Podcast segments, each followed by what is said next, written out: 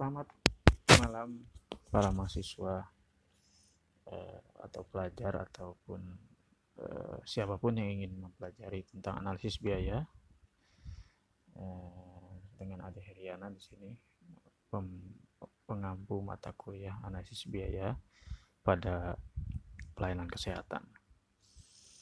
Eh, pada episode pertama ini saya akan menyampaikan eh, garis-garis besar atau rencana pembelajaran dari mata kuliah analisis biaya pelayanan kesehatan.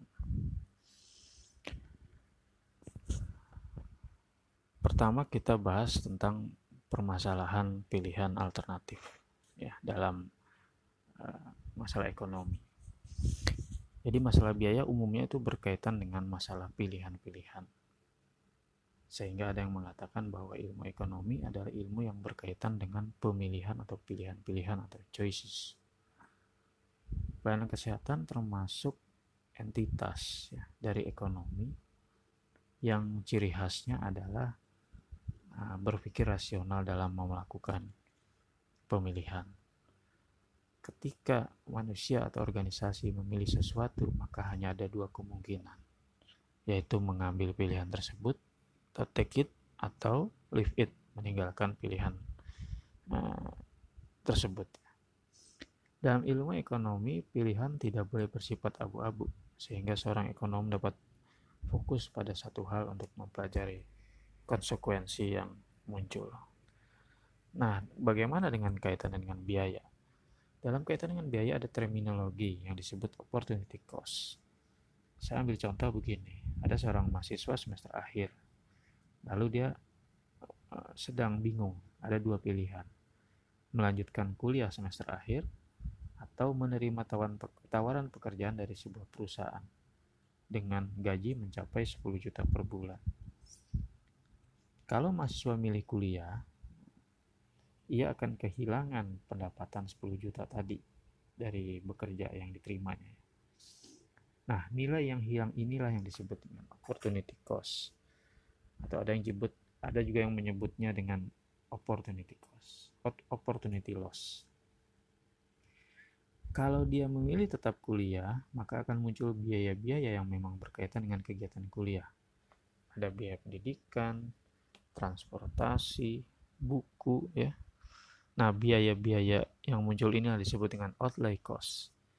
Dalam kuliah analisis biaya nanti uh, kita akan lebih menganalisis biaya-biaya yang termasuk dalam outlay cost tadi ya gitu.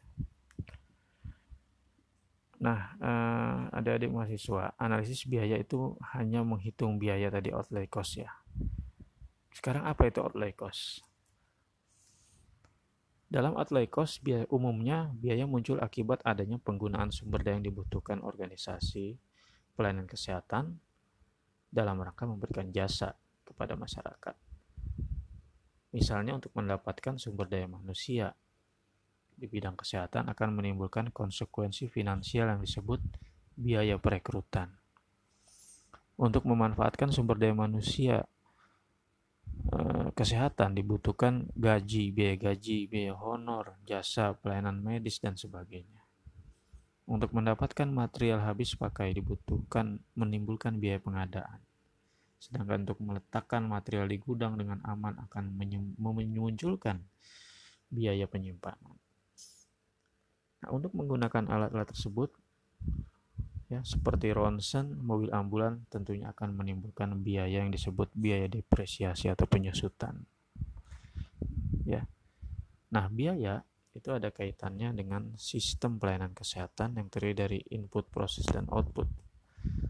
Nah, terkait dengan input, nanti biaya yang muncul itu untuk menghasilkan atau memperoleh sumber daya, seperti biaya yang muncul akibat penggunaan sumber daya. Kemudian ketika dalam proses pelayanan muncul biaya-biaya yang akan berkaitan langsung dengan produk atau jasa yang dihasilkan, serta yang tidak terkait langsung dalam menghasilkan produk atau jasa. Lalu dalam kaitannya dengan produk atau output, maka ada biaya yang besarannya secara proporsional sebanding lurus berbanding lurus dengan produk atau jasa yang dihasilkan serta ada yang tidak berpengaruh terhadap jumlah uh, produk atau jasa. Artinya mau jasanya itu berapapun jumlahnya ya biayanya tidak akan berubah. Itu maksudnya. Nah, seseorang berkecimpung dalam analisis biaya harus memiliki kemampuan untuk mengidentifikasi biaya yang muncul, lalu mengklasifikasikan biaya tersebut sesuai dengan sifatnya. Selain itu, ia juga harus memahami dengan baik isi laporan rugi laba agar dapat mengidentifikasi jenis biaya yang muncul pada periode tersebut. Ketika berbicara laporan rugi laba, maka ada tiga komponen utama yang muncul, yaitu biaya atau cost, pendapatan atau volume, dan laba atau profit. Bisa juga ruginya. Ketiga komponen ini dianalisis menggunakan teknik yang disebut cost volume profit analysis atau CVP analysis. Dari teknik ini dapat diturunkan berbagai konsep-konsep analisis lainnya, adalah antara lain margin contribution, harga jual atau atau uh, selling price ya, titik impas atau break even point, margin safety, leverage operating, analisis sensitivitas dan lain-lain. Nah, kemudian organisasi juga perlu menentukan kontribusi biaya langsung dan tidak langsung dari tiap unit yang ada di, di dalamnya. Biaya yang dalam pembuatan produk untuk masukan jasa perlu dibebankan kepada unit-unit yang berperan dan alokasi biaya langsung itu lebih mudah ditelusuri dibandingkan biaya tidak langsung. Nah, penelusuran inilah penelusuran inilah yang disebut dengan cost tracing. Untuk biaya langsung, cost tracing dapat lang dapat langsung ditelusuri karena berhubungan langsung dengan produk atau yang dia, jasa yang dihasilkan. Biaya gaji dokter gigi misalnya langsung dapat ditelusuri dengan biaya pelayanan klinik gigi. Namun tidak demikian dengan biaya yang tidak langsung seperti halnya biaya listrik Kenapa? Karena semua departemen pada rumah sakit atau pelayanan kesehatan itu menggunakan sumber daya listrik. Bagaimana agar beban biaya listrik terdistribusi secara adil pada seluruh departemen? Dalam analisis biaya terdapat terdapat metode yang disebut dengan alokasi biaya atau cost allocation. Teknik-teknik alokasi biaya memungkinkan organisasi pelayanan kesehatan dapat mendistribusikan biaya tidak langsung secara adil kepada unit-unit yang menggunakan. Kemudian eh, ada hal satu hal lagi yang perlu kita ketahui bahwa jumlah biaya umumnya menunjukkan skala kinerja sebuah organisasi pelayanan kesehatan. Semakin besar jumlah biaya, maka menunjukkan skala kegiatan organisasi semakin tinggi. Sehingga biaya yang muncul itu akibat perolehan dan penggunaan sumber daya akan berbanding lurus dengan volume kegiatan pelayanan. Maka di sini perlu dilakukan analisis jumlah biaya yang diperkirakan akan terjadi atau budgeting cost atau yang sudah terjadi atau actual cost. Dan dalam rangka pengambilan keputusan, manajemen pelayanan kesehatan membutuhkan pertimbangan-pertimbangan biaya untuk mengetahui biaya yang paling sedikit. Nah, analisis ini disebut dengan Cost Minimization Analysis atau CMA. CMA dapat dilakukan terhadap satu produk, yaitu dengan menghitung alternatif pelayanan dengan biaya yang tidak melebihi anggaran atau terhadap, atau terhadap dua produk atau lebih melalui melihat perbandingan yang paling kecil. Namun demikian, kondisi tersebut berbanding terbalik dengan luaran atau output yang dihasilkan. Sebuah rumah sakit swasta misalnya sering menginvestasikan dana dalam jumlah besar untuk pengadaan alat-alat diagnostik kesehatan. Namun ternyata permintaan terhadap layanan kesehatan yang membutuhkan alat tersebut sedikit atau bahkan tidak ada. Akibatnya apa? Tingkat pemanfaatan atau utilitas alat tersebut menjadi kurang bahkan nol. Alat yang memiliki utilitas rendah, bahkan nol, itu akan menimbulkan biaya overhead atau biaya tetap yang tinggi. Contohnya mobil ambulans. Ketika mobil ambulans tersebut tidak dimanfaatkan, maka mobil tersebut tetap membutuhkan biaya perawatan. Seperti bensin, servis ya. Dan biaya tentunya ada biaya penyusutan.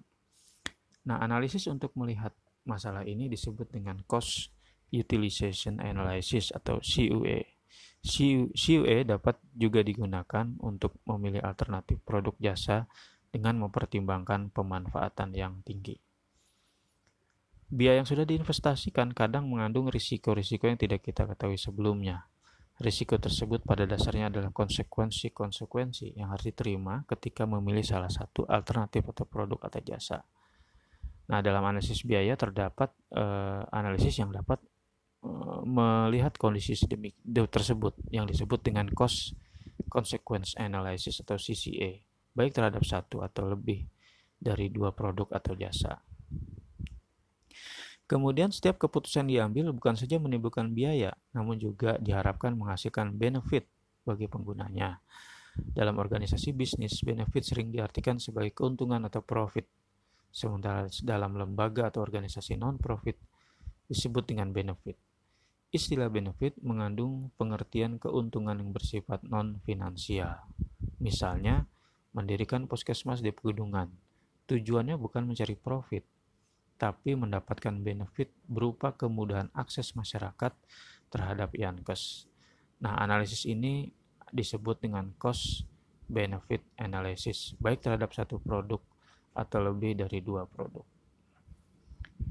Nah, setiap kegiatan yang dilakukan organisasi tentu memiliki tujuan yang diharapkan. Jika tujuan tercapai sesuai dengan yang ditentukan, maka kondisi ini disebut dengan efektif keefektifan keefektifan suatu kegiatan atau intervensi kesehatan itu dapat dihitung dengan membandingkan output yang dihasilkan dengan biaya yang muncul. Nah, instrumen yang untuk mengukur ini disebut dengan Cost Effectiveness Analysis atau CEA, baik untuk satu kegiatan atau lebih dari dua kegiatan. Nah, mata kuliah ini, analisis biaya pelayanan kesehatan, akan mempelajari hal-hal yang sudah saya sampaikan tadi. Ya, uh, konsep-konsep yang dipelajari pada mata kuliah ini mengharuskan mahasiswa sudah sebaiknya itu sudah mengambil mata kuliah ekonomi kesehatan atau manajemen keuangan pelayanan kesehatan. Karena ada beberapa konsep pada ekonomi kesehatan yang dipelajari di mata kuliah ini, misalnya evaluasi ekonomi kesehatan Lalu untuk uh, manajemen keuangan itu misalnya ada konsep biaya, konsep uh, biaya depresiasi dan sebagainya. Nah, bagaimana rencana topik perkuliahan uh, pada mata kuliah analisis biaya ini? Pada dasarnya ada empat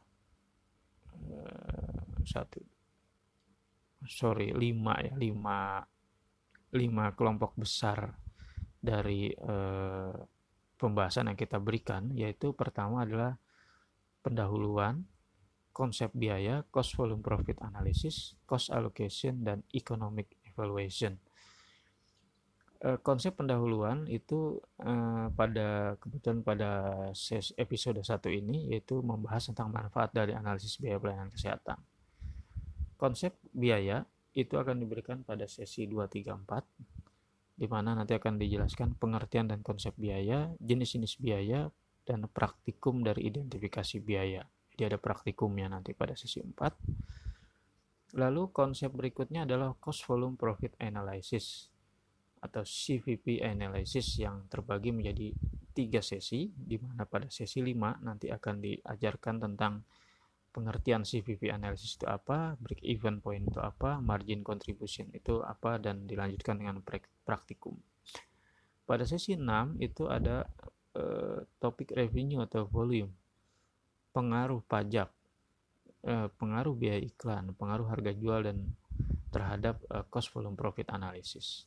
Pada sesi 7 akan lebih advance lagi kita mempelajari tentang operating leverage, margin of safety, CVP dual product, BEP mix product dan dilanjutkan dengan praktikum. Konsep cost, cost allocation itu kan diberikan pada sesi 8, 9, dan 10. Pada sesi 8 akan diberikan materi tentang single rate method, dual rate method, dan direct method. Pada sesi 9 itu akan dipelajari tentang step down method, reciprocal method, dan pada sesi 10 akan kita pelajari tentang praktikum cost allocation. Konsep yang terakhir akan dipelajari adalah economic evaluation. Yang ini terdiri dari empat sesi. Sesi 11 kita akan mempelajari tentang cost minimization analysis atau CMA, cost utilization analysis atau CUA dan cost consequence analysis atau CCA. Di sesi 12 eh, kita akan mempraktikkan bagaimana menghitung CMA, CUA dan CCA pada sesi 13 kita akan belajar tentang cost benefit analysis atau CBA cost effective analysis atau CEA dan terakhir pada sesi 14 kita ada praktikum tentang CBA dan CEA. Jadi dapat disimpulkan bahwa operasional pelayanan kesehatan itu butuh sumber daya agar tetap berjalan secara kesinambungan dan penggunaan sumber daya itu menyebabkan timbulnya biaya-biaya baik yang berkaitan dengan mendapatkan atau menghasilkan sumber daya serta penggunaannya, upaya menghasilkan produk jasa maupun berkaitan dengan volume atau produk jasa yang dihasilkan. Biaya yang dihasilkan dalam kegiatan pelayanan kesehatan itu harus bisa diidentifikasi dengan baik untuk dapat dianalisis sehingga itu Selain itu, biaya jika dikonfirmasi dengan volume atau pendapatan akan menghasilkan laba atau rugi, maka dibutuhkan analisis untuk menghasilkan pelayanan kesehatan yang efisien. Biaya juga harus dialokasikan kepada unit-unit pelayanan terkait agar dapat didistribusikan secara adil dan dapat dihasilkan biaya total yang valid. Biaya juga berkaitan dengan pemilihan berbagai alternatif kegiatan. Untuk itu dibutuhkan berbagai analisis untuk membantu pimpinan dalam mengambil keputusan. Analisis ini dijelaskan dalam konsep evaluasi ekonomi yang terdiri dari cost minimization analysis, cost utilization analysis, cost consequence analysis, cost benefit analysis, dan cost effectiveness analysis. Jadi demikian eh, episode sesi 1 pada kuliah analisis biaya pelayanan kesehatan ini. Semoga kita sama-sama dapat mempelajarinya dengan baik Selamat malam, sampai bertemu lagi di sesi selanjutnya.